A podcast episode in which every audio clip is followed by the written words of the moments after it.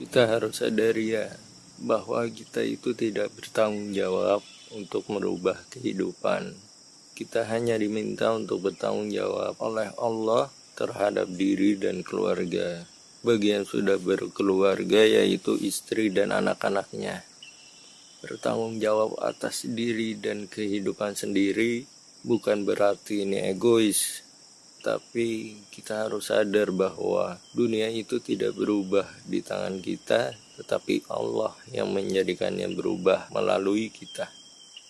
Itulah perbedaan mindsetnya ketika orang berusaha untuk merubah dunia dengan tangannya. Tetapi ketika tidak melibatkan Allah, maka tidak akan berubah.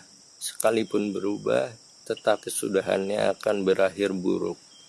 Tetapi kalau berfokus pada la haula wala quwata illa billah. Tidak ada daya dan upaya kecuali hanya Allah. Kita fokusnya hanya kepada Allah aja.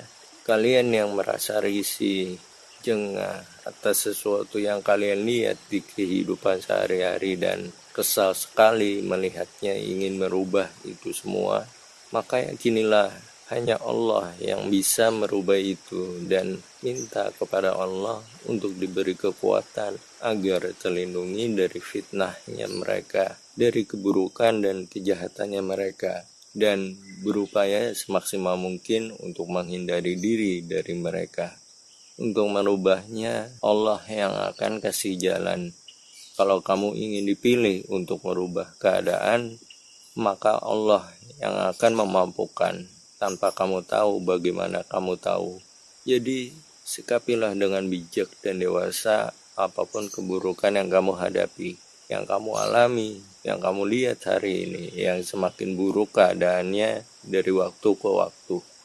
Kamu harus sadar, life is not easy.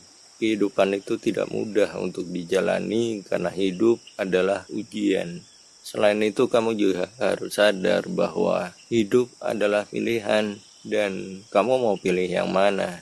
Mau jadi bagian dari keburukan, atau mau jadi bagian dari orang yang baik, orang yang benar, dan jauh dari keburukan mereka. Itu pilihanmu.